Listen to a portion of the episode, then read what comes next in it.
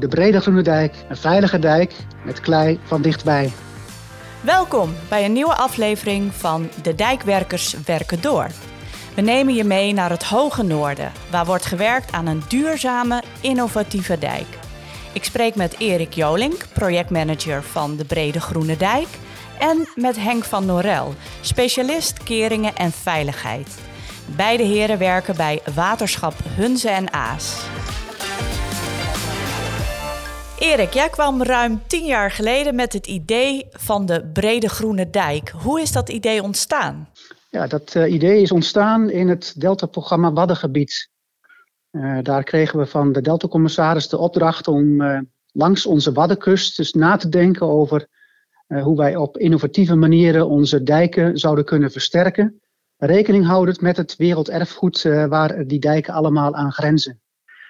Nou, die oproep hebben wij destijds uh, serieus opgepakt. En uh, toen, ja, daar is eigenlijk het demonstratieproject Brede Groene Dijk geboren. Oké, okay. en bij die Brede Groene Dijk vangen jullie eigenlijk twee vliegen in één klap. Welke twee zijn dat dan? Nou, kijk, wij hebben um, bij de ideeën rond die Brede Groene Dijk, uh, en de naam zegt het al, het is een brede dijk die we maken, die we willen maken van klei niet van asfalt, maar van klei. En omdat we daar heel veel klei voor nodig hebben, uh, hebben we bedacht om in plaats van met vrachtwagens naar de Betuwe te gaan rijden, om daar die klei te, te gaan halen. Uh, of om uh, boeren te onteigenen en, en, en, en, daar op die manier klei te gaan winnen. Even voor de, voor de record. En dan praat je over ongeveer 100.000 vrachtwagens die vanuit de Betuwe deze kant op zouden moeten komen. Ja, dat is enorm. Of, dat is enorm. Dat is een enorme impact, op de, impact voor de omgeving. Uh, we hebben eigenlijk nagedacht uh, van hoe kunnen we die klei nou in de buurt winnen. En uh, dat is helemaal niet zo ingewikkeld. want vroeger toen wij dijken bouwden in, in, de middeleeuwen, haalden we die klei ook gewoon vlakbij. in de uiterwaarden, nou hebben we hier geen uiterwaarden, maar kwelders zoals we die, die noemen. Het voorland. En dan ging daar met een kruiwagen gingen, gingen werkers klei halen en, dat, dat, en daar maakten ze een dijk van. Dus het klei van dichtbij, dat hebben we, daar hebben we drie manieren op bedacht. We gaan kijken of wij een veilige dijk kunnen bouwen met klei uit de kwelder. Mm Daar zal ik straks iets over vertellen. En uh, we gaan ook kijken of we klei kunnen maken van slip uit de Eems-Dollard. En de Eems-Dollard is een groot estuarium wat voor onze dijk ligt en die zit chockvol met slip. Uh, zoveel slip op dit moment dat het een groot ecologisch probleem is geworden. En Iedereen wil van dat slipprobleem af. En het mooie van dat slip is dat dat feitelijk de bouwstof is, de grondstof van klei. Dus dat is het circulaire element? Dat is het circulaire element. En het, is, het is bijna boerenverstand. Wij weten dat de beste dijkenklei die we hier in de buurt kunnen vinden, die ligt aan de landzijde van onze dijk. En uh, dat is uh, grond die vroeger is ingepolderd en ingepolderd eigenlijk met datzelfde Eems-Dollardslip, wat nu een probleem aan het vormen is. Dus um, dat probleem van het slip en uh, het feit dat we klei voor de deur hebben liggen in de vorm van een kwelder. Uh, daarvan hebben wij gezegd, oké, we gaan van die twee materialen een demonstratiedijk bouwen. Ja, waarom is dat nou zo, is dat nou zo bijzonder? Um, eigenlijk wel. Hè, uh, voorlandklei daarvan weten we op basis van ervaring dat je daar best dijken van kunt bouwen. Alleen uh, dat voorland, die kwelders, die vallen sinds nou, een jaar of 25 onder Natura 2000 wetgeving. Mm -hmm. En het graven in zo'n kwelder mag niet. En ja, mag niet heeft twee kanten. Um, mag niet tenzij je de natuur daar uh, een, uh, een beter van maakt, mooier van maakt. Nou, daar hebben we iets op bedacht. Een, van de, een van de vogelsoorten, doelsoorten zoals ze dat hier noemen, uh, die op de kwelder broedt, dat is de kluut, die heeft het de afgelopen jaren bijzonder moeilijk. Want al die eieren die die, die kluut legt, die worden opgevreten door de, door de vos. Ja. En toen hebben wij bedacht van weet je, als wij nou een, uh, een, een plas graven, en die klei die gaan we dan gebruiken in de dijk. En midden in die plas laten we een eiland over. En dan kan die kluut daar veilig broeden, zonder dat die wordt lastiggevallen door die vos.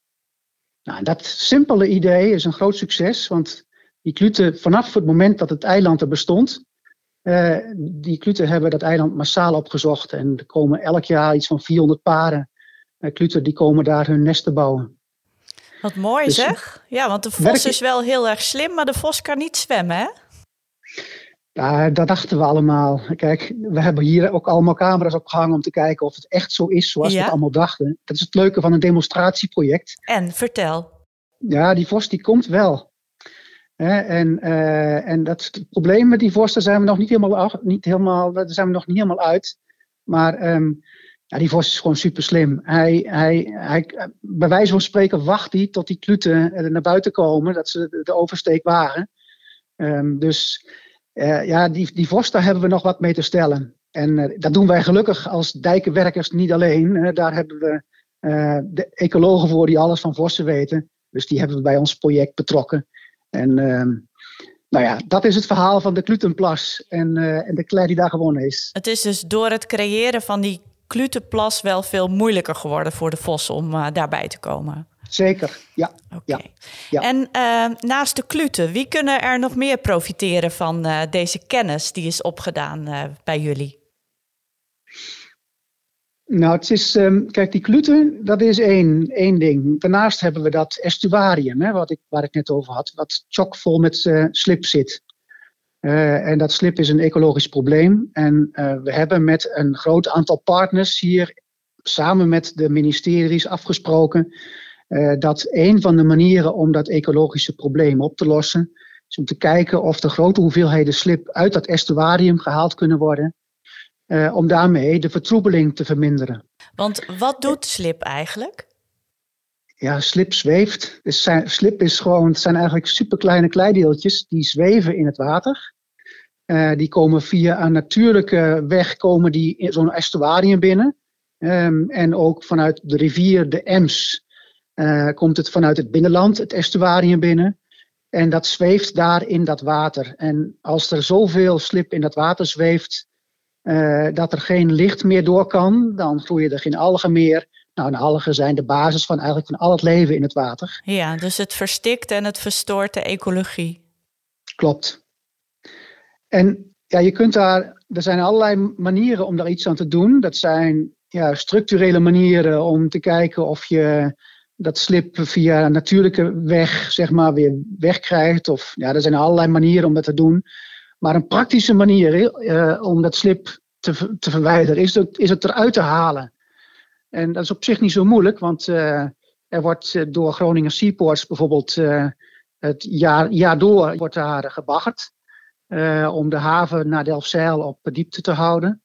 En dat, uh, die bagger die, uh, wordt een stukje verderop weer, uh, weer losgelaten. En ja, die komt eigenlijk bij wijze van spreken de volgende dag gewoon weer terug op de plek waar het de dag daarvoor is gebaggerd. maar um, dat geeft wel de mogelijkheid om op die plek waar nu wordt gebaggerd, om dat slip niet op zee te storten, mm -hmm. maar om het, er, om het eruit te halen. En nou ja, dat is eigenlijk, hè, dat is, daar, daar komt zeg maar het demonstratieproject weer om de hoek kijken. wij weten wij denken dat, uh, dat je van dat slip heel goed dijkenklei kunt maken. En dan heb je een nuttige toepassing van, dat, van die probleemstof. En, en, en waar doen jullie dat? Dat, dat uh, uh, kijken hoe sterk die klei bijvoorbeeld is? Ja, dat, daarvoor hebben we een, een, een, een ander demonstratieproject gestart samen met een groot aantal partners. En dat project dat heet de Kleirijperij. Uh, en in de kleirijperij hebben we twee depots gemaakt van in totaal 25 hectare. Uh, en daar wordt slip ingebracht in heel veel vakken. En in elk vak wordt gekeken uh, hoe je op een bepaalde manier slip kunt omvormen tot klei. En de bedoeling van die kleirijperij is dat je daarmee de meest efficiënte manier van slip naar klei gaat vaststellen om vervolgens, als je uh, de uitkomsten van die kleirijperij gebruikt, uh, om uh, ja, op grotere schaal klei te gaan maken. Want voor zo'n brede groene dijk, ik zei het net al, hebben we minimaal 1,7 miljoen kub klei nodig. Nou, je kunt je voorstellen dat je daar dus ook een gigantische hoeveelheid bagger voor nodig hebt om die klei te maken. en um, daarvoor wil je ook weten wat de meest efficiënte manier is om die klei te maken. Nou, die kleirijperij die eindigt volgend jaar dan komt de, de klei uit die beide depots die zijn aangelegd, die komt beschikbaar. En die gaan we verwerken in die brede groene dijk. Mooi. En dan kijken we drie jaar aan hoe die dijk zich houdt. Uh, we verwachten dat er scheuren zullen optreden, omdat die klei uh, ja, niet voldoet aan de standaardeisen die aan klei worden gesteld. Mm -hmm. Maar wij zijn ervan overtuigd uh, dat je met klei die niet aan eisen voldoet, prima een veilige dijk kunt bouwen. Als je je ontwerp daar maar op aanpast. En nou, dat gaan we volgend jaar allemaal doen. En drie jaar monitoren en daarna gaan we opschalen. Dan gaan we de rest van onze 12,5 kilometer dollardijk uh, op een vergelijkbare manier versterken als, uh, als dat we volgend jaar doen. En Erik, is al bekend wanneer jullie de resultaten tot dusver, wanneer jullie die gaan delen en hoe mensen daar ook kennis van kunnen gaan nemen? Nou, kijk, op 9 december organiseert het Hoogwaterbeschermingsprogramma een kennisdag. en op die kennisdag gaan wij in een webinar alle resultaten van ons onderzoek geschiktheid delta-klei. Zo hebben we dat genoemd. Daar zit onder andere een delta-grootproef bij, maar ook nog een groot aantal andere proeven. Uh, die gaan wij op dat eh, webinar gaan wij die, presenteren. Mooi. Erik, dankjewel. Graag gedaan. Om de kwaliteit van de Groningse klei te testen, worden er verschillende proeven uitgevoerd in de deltagoot. Daarover spreek ik met Henk van Norel. Henk, fijn dat ik jou uh, aan de lijn heb. Ik wil heel graag weten, jullie doen kleiproeven in de Deltagoot. En wat wordt daar precies onderzocht? Ja, nou, in die Deltagootproeven, um, daar bouwen we een dijk na met uh, de klei um, die we in de toekomst ook gaan gebruiken. En we willen weten hoe sterk die klei is. Um, in de deltagoot wordt dat um, op schaal, of eigenlijk op werkelijke grootte, wordt dat um, ge, getest. Ja. Dus met golven van twee meter hoog, die ook in werkelijkheid uh, kunnen voorkomen. En dan hebben we een dijk in die deltagoot gebouwd, waar we die superstorm op loslaten. En dan willen we weten hoe sterk die klei is. Lijkt me een fantastisch gezicht om, uh, om dat te zien. Ja, spektakel is dat. Ja, ja het is ja. leuk om uh, daarbij te zijn. Ja. En uh, je kijkt dan naar de gestelde normen voor de kwaliteit van de klei, maar waar moet je nog meer naar kijken? Nou, um, wat we uh, doen bij de Brede Groene Dijk, dat is um, klei uit de kleirijperij gebruiken voor de Brede Groene Dijk. En we weten dat die klei niet helemaal volledig voldoet aan de eisen die normaal aan de dijk worden gesteld. Oké, okay. is dat een probleem? Uh, dat hoeft helemaal geen probleem te zijn, want um, als je weet uh, hoe sterk die klei is, dan kun je daar het ontwerp op aanpassen. He, want het komt erop neer met de brede groene dijk willen we de golven gaan opvangen met gras en met kleibekleding. Mm -hmm. Als je precies weet hoe sterk die klei in combinatie met dat gras is, dan weet je ook in je ontwerp hoe dik je die kleilaag moet maken. He, want um, naar de toekomst toe met die hele extreme superstorm, dan um, willen we best accepteren dat er een klein beetje schade aan die dijk ontstaat. Maar het mag natuurlijk niet zo zijn dat die dijk doorbreekt. Nee. He, dus um, we willen ontwerp, het ontwerp zo maken dat uh, die norm waar die dijk aan moet voldoen, um, dat het ontwerp wat daarbij hoort, dat de kleidikte, dat die precies dik genoeg is om die superstorm te kunnen weerstaan. Dus je geeft ook aandacht aan het vakmanschap in de uitvoering. Ja, want uh, in die deltagootproeven hebben we een hoop geleerd.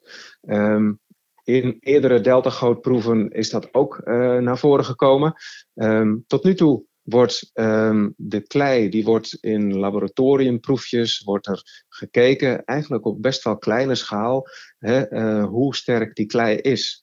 Maar we zijn erachter gekomen dat eigenlijk op veel grotere schaal naar uh, die klei gekeken moet worden. want je kunt je voorstellen, op zo'n dijk, daar krijg je toch een beetje bodemvorming. Ja. Uh, je krijgt wat scheuren, je krijgt graverij door dieren, biologische activiteit. Uh, je hebt dus een keer een droge zomer, waardoor wat brokken in die klei ontstaan. En um, dat kijken op iets grotere schaal naar wat we dan met de vakterm de gestructureerdheid van de klei noemen. He, dus uh, scheuren en brokken die in die klei ontstaan, die zijn veel bepalender voor hoe sterk die klei is dan al die kleine laboratoriumproefjes die we tot nog toe deden. Ja, precies. Dus ook daar ligt heel erg de focus op.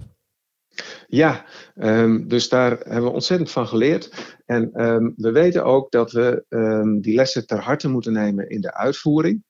Want je kunt je voorstellen, als je een dijk maakt, hè, dan moet je die klei die moet je eh, op een goede manier verwerken. Hè, die moet je goed aanstampen, hè, dat je hem goed verdicht. Um, en dat doen we met bulldozers op de dijk.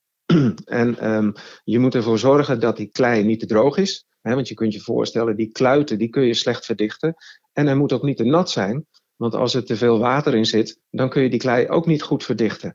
En die verdichting in de uitvoering, die is heel belangrijk. Dat wisten we eigenlijk wel van vroeger uit, maar die kennis is eigenlijk een beetje vervaagd, omdat we uh, heel erg de focus hebben gelegd op uh, puur de materiaaleigenschappen. Maar die uitvoering, hè, het verdichten van die klei en het juist aanbrengen, is misschien nog wel belangrijker.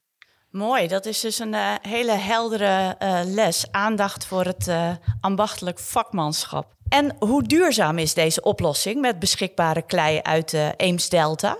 Nou, eigenlijk is het wel mooi om um, de term van klei van dichtbij daarbij te gebruiken. Want wat we eigenlijk doen, dat is um, we kijken in de omgeving naar uh, geschikte bronnen van klei voor onze dijk. In dit geval dus uh, het slip van de Eems-Dollard, wat we via een kleirijperij gaan gebruiken voor onze dijkversterking. En door juist uh, klei van dichtbij te gebruiken, kun je heel veel transport besparen. En ja, vanuit duurzaamheid is het natuurlijk veel beter om materialen wat je voor de deur hebt liggen, om dat toe te passen, dan te kijken naar puur de uh, richtlijnen vanuit de boekjes. En dan zeggen van nou, dit is het ontwerp en zoek de klei maar uh, die precies aan de regeltjes voldoet. En dan kom je soms uit bij klei uh, wat van honderden kilometers verderaf getransporteerd moet worden naar je werk. Dus dat ombuigen van ehm, dat je puur naar die richtlijnen kijkt en daar het materiaal bij zoekt naar de situatie waarbij je um, zegt van nou, uh, we hebben uh, materiaal beschikbaar, dat is dichtbij. En we passen daar het ontwerp op aan. Dat is voor duurzaamheid een stuk beter natuurlijk.